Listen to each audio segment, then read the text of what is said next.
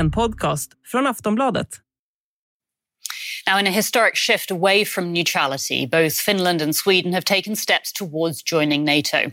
The move is prompted by concern for their own security in the wake of Russia's invasion of Ukraine. But there is one problem NATO member Turkey could use its veto power to block the expansion. Ja, snart är vi där i North Atlantic Treaty Organization, NATO. I helgen så fattade regeringen det historiska beslutet att skicka in en ansökan till militäralliansen. Sverige har varit alliansfria och i stort sett neutrala i över 200 år.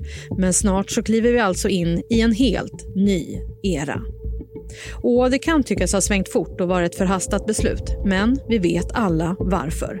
Rysslands invasion av Ukraina har förändrat världsbilden och säkerhetsläget. Men alla är inte förtjusta över beskedet. Turkiets president Erdogan säger blankt nej till att Sverige ska gå med. Och han kan stoppa Sverige från att bli medlemmar eftersom alla 30 nationer i Nato måste säga ja till ett nytt land. Men det spekuleras mest om Erdogan gör allt detta för att få igenom saker för egen vinning och att USA i slutänden kommer tvinga Turkiet att godkänna Sverige. Sverige har under många år nu sett som ett fredligt och jämställt land som är humanitärt och som verkar för fred i världen.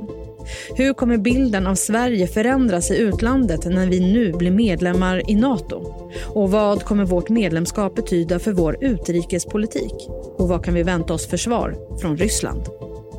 Ja, frågorna kring Sverige och Nato är många. Vi ska försöka få svar på några av dem i det här avsnittet av Aftonbladet Daily. Jag heter Jenny Ågren och du lyssnar på Sveriges största nyhetspodd. Nu säger jag hej och välkommen till eh, Daily, Wolfgang Hansson, vår utrikespolitiska kommentator. Tack så mycket. Wolfgang, Sverige har alltså fattat beslutet om att gå med i Nato. Ansökan kommer skickas in när som helst. Vad innebär det här nu då för våra relationer med länderna i Nato? Ja, det innebär ju att vi kommer mycket närmare dem så att säga. Vi blir ju medlem. Förut har vi varit väldigt, vi har ändå varit nära men vi har ändå stått utanför organisationen. Så att det är klart att det innebär en väldigt stor skillnad. Och det är också en stor skillnad för Sverige som ju har varit alliansfritt så väldigt länge, åtminstone på pappret. Och, och plötsligt så är vi nu med i en eh, stor militärallians som dessutom eh, backas upp av ett kärnvapenparaply. Så att eh, det är en väldigt stor förändring, det är det. Vilka länder i Nato kan vi känna oss extra trygga med? Vi kan nog känna oss extra trygga med de flesta skulle jag vilja säga. Men vi har ju otroligt bra relationer med Storbritannien exempelvis. De har ju till och med gett en skriftlig eh, garanti om, om hjälp nu då under den här övergångsperioden. Och vi har fått liknande garantier från Frankrike, Tyskland och USA fast då inte skriftliga utan eh, muntliga. Eh, jag skulle säga att det är väldigt få länder i Nato som vi, in, som vi så att säga eh, inte känner oss bekväma med. Det finns några sådana. Eh, Turkiet kan, va, kan vara ett sådant land. Eh, det finns en del eh, Nordmakedonien, Kroatien, de här nya länderna som, har, kom, som har kommit med eh, som vi inte har, har, riktigt samma relationer med som många av de andra eh, nordeuropeiska länderna. Vi ska återkomma till eh, Turkiet alldeles strax. Eh, men vad kan Sverige bidra med då? Sverige kan bidra med ganska mycket. Eh, dels så bidrar vi med vårt geografiska läge. Eh, vi har ju ett väldigt strategiskt läge och man pratar ju ofta om Gotland som en sån här eh, ö som ryssarna gärna skulle vilja ta ifall det blev krig med Nato därför att då skulle man kunna kontrollera Östersjön. Och därför är det väldigt viktigt för Nato att, att det nu att vi nu blir ett NATO-land och att den här, det här området, både Finland och Sverige, då, ingår i, i den här militäralliansens försvarsplanering och i försvar. Och med, med Finland som medlem så får man ju en 135 mil lång gräns direkt gentemot Ryssland. Eh, och den gränsen har ju tidigare så att säga gått till ett alliansfritt land och nu går den till Nato. Och det är också så att de här eh, två ländernas inträde i Nato, om det nu blir av, vilket det förmodligen blir, eh, innebär ju en stor förlust för Putin, både prestigemässigt och eh, försvarsmässigt. Därför att han, han satte ju som krav att Nato inte fick utvidga sig och att specifikt inte Sverige och Finland fick gå med. Och nu är det precis det de gör, vilket ju gör att det blir precis tvärtom mot vad Putin hade tänkt sig. Du var inne lite på det här med Turkiet. Eh, för det är ju så att Turkiet har de senaste dagarna opponerat sig mot att Sverige ska gå med. Och i måndags kväll så sa president Erdogan bestämt nej. Varför vill han inte att vi går med? Alltså det turkarna säger är, det, finns en, det har varit lite olika skäl, men eh, det som har utkristalliserat sig nu det är liksom att eh, Sverige har ett vapenembargo mot Turkiet sedan Turkiet eh, invaderade norra Syrien och, och, en invasion mot kurderna där. Eh, det vill Turkiet att vi ska upphöra med och Finland har samma vapenembargo. Eh, Sverige, I Sverige finns ett antal personer eh, som är oppositionella mot regimen i Turkiet. Det är både kurder och turkar. Eh, Erdogan är expert på att kalla folk terrorister. Alla som inte är, han gillar är terrorister. Och så hävdar han då att Sverige härbärgerar ett antal terrorister som är, skulle vara medlemmar i PKK och andra organisationer som han inte gillar. Och då vill han att Sverige ska utlämna dem till Turkiet. Och det har ju Sverige eh, antingen har man inte svarat eller så har man vägrat att göra det. Eh, och det kommer ju inte, det kommer ju inte Sverige att kunna eh, backa på så att säga.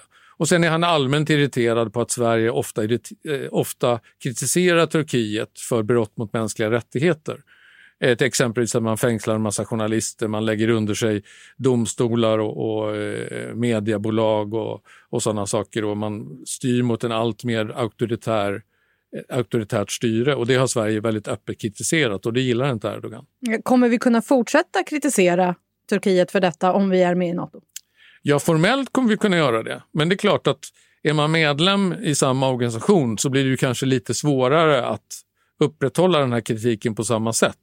Det kanske lätt blir så att man eh, tänker sig för en extra gång innan man kritiserar just därför att det då kan man, riskera man också få kritik från andra medlemmar som tycker att varför bråkar ni med Turkiet?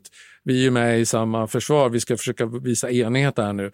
De där grejerna får ni lösa på annat sätt, liksom. håll inte på att ge massa offentlig kritik. Så, så kan det ju bli. Så att det är ju helt klart så att eh, Sverige riskerar att förlora en del av sin självständighet i utrikespolitiken. Aftonbladet Daily är snart tillbaka.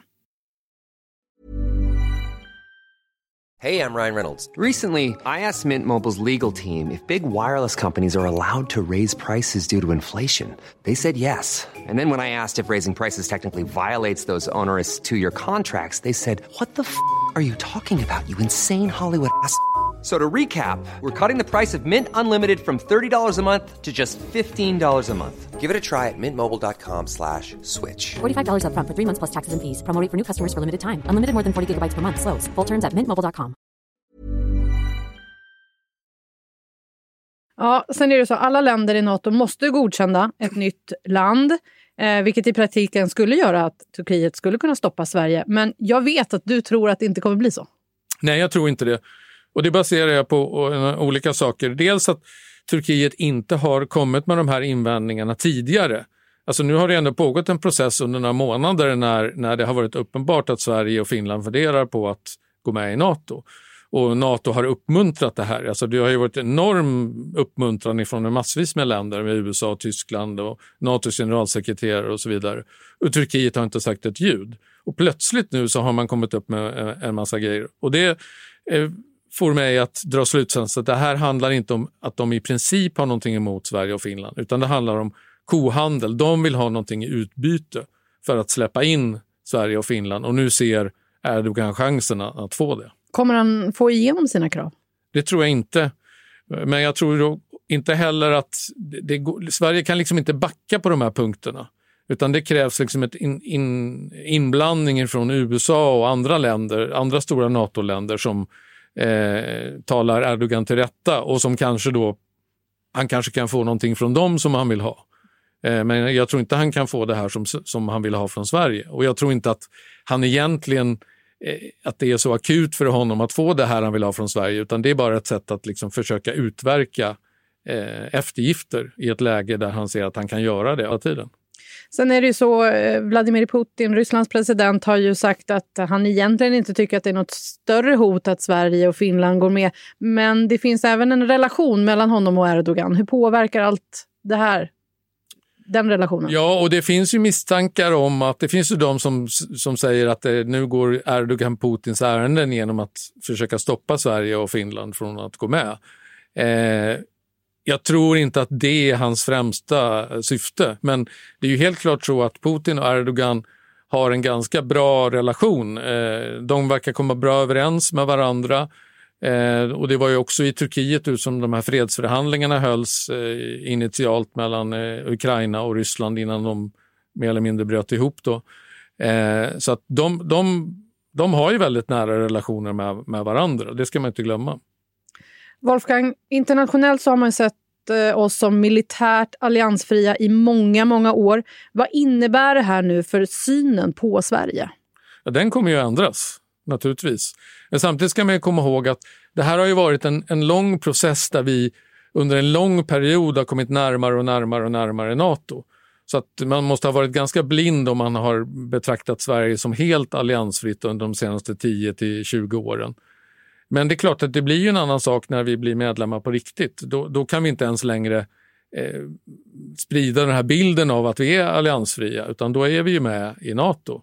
Och det betyder någonting och det betyder att vi eh, andra länder, framförallt i tredje världen, kommer att se annorlunda på Sverige än, än vad de har gjort tidigare. Du var inne lite på det eh, tidigare om hur det här också påverkar oss utrikespolitiskt sett. Vad innebär vad kommer, vad kommer hända med vår utrikespolitik? Alltså formellt så är, vi ju fortfarande eh, utrikespolitikens självständiga. Det är inte så att Nato styr Sveriges utrikespolitik. Men det blir ju ändå så, och särskilt i ett sånt här läge som det är nu, så att säga, så, så krävs det ju en väldigt mycket mod och styrka för att våga gå emot en konsensus inom Nato om, i en viss fråga. Eh, till exempel när det gäller Ryssland, eh, Putin eller Ukraina. Så att det blir ju svårare för Sverige att vara den här lite oberoende rösten. Det är precis som när vi gick med i EU. Då, då, det är klart vi, vi kan fortfarande kritisera andra EU-länder och vi kan ha olika åsikter i olika frågor men vi, vi rättar ändå in oss i ledet på ett annat sätt än vad vi gjorde eh, när vi inte var medlemmar. Och det tror jag kommer att bli samma sak i Nato, att vi kommer att vara, bli lite mer försiktiga och lite mer diplomatiska i hur vi uttrycker oss. Så vilka negativa konsekvenser kan det få för Sverige att vi går med i Nato? Alltså den negativa konsekvensen, jag tror inte att det blir att utrikespolitiken i sig kommer att innebära så mycket negativa konsekvenser annat än att vi, vi kanske inte betraktas som lika goda längre av omvärlden. Men, men en negativ konsekvens kan ju bli att vi blir tvungna att skicka eh, militär eller vi är tvungna att hjälpa länder som vi kanske inte Eh, känner att vi normalt sett skulle eh, hjälpa om de hamnar i krig och konflikt.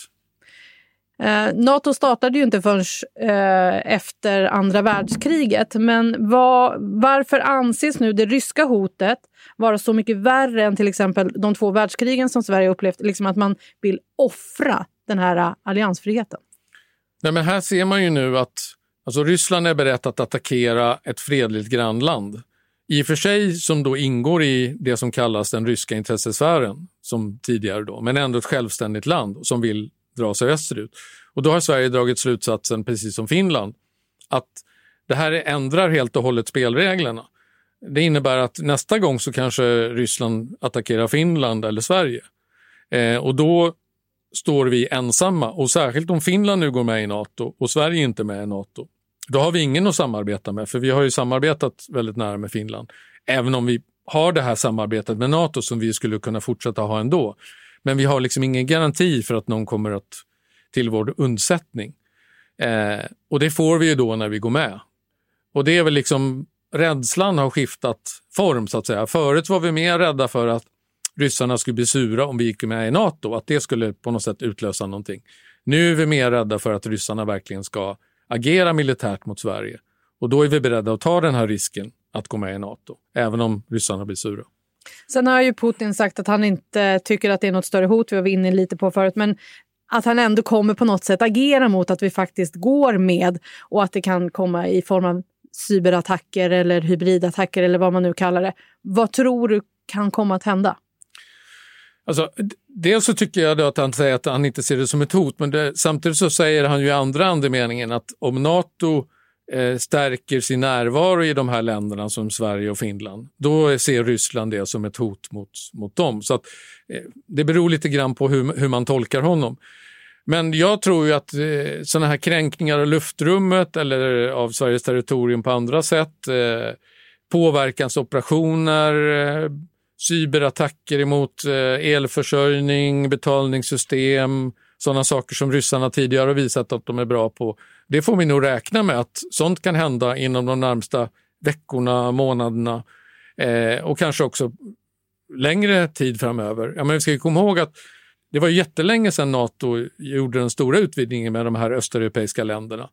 Eh, men det är först nu som Putin har kommit på att oj, det där var inte bra för oss. Nu, nu måste vi sätta stopp för det här. Nu måste vi vrida klockan tillbaka. Så jag menar, det, om Sverige går med nu och det inte händer så mycket just nu så kan det hända någonting om ett år eller om två år eller om fem år. Det, det vet vi liksom inte. För allting beror ju på den säkerhetspolitiska utvecklingen i stort. Och, det, och den vet, vi vet ju inte ens hur kriget i Ukraina slutar. Liksom. Så vi, vi har ingen aning om hur det ser ut i Europa om fem eller tio år. Vi måste leva på spänn helt enkelt. Ja, det kommer att vara en väldigt stor spänning och anspänning nu under ett antal år framöver. Även om det skulle bli någon slags fred i Ukraina så upphör ju inte läget att vara väldigt utsatt. Tack för idag Wolfgang. Tack så du Sist här hörde vi Wolfgang Hansson, Aftonbladets utrikespolitiska kommentator. Jag heter Jenny Ågren och du har lyssnat på Aftonbladet Daily. Läs mer om allt som händer på vår sajt så hörs vi snart igen. Hej då!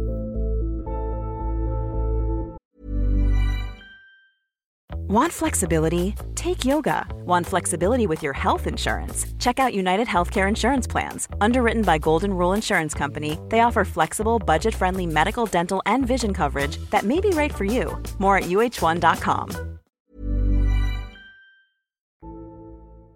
Du har lyssnat på en podcast från Aftonbladet. Ansvarig utgivare är Lena K Samuelsson.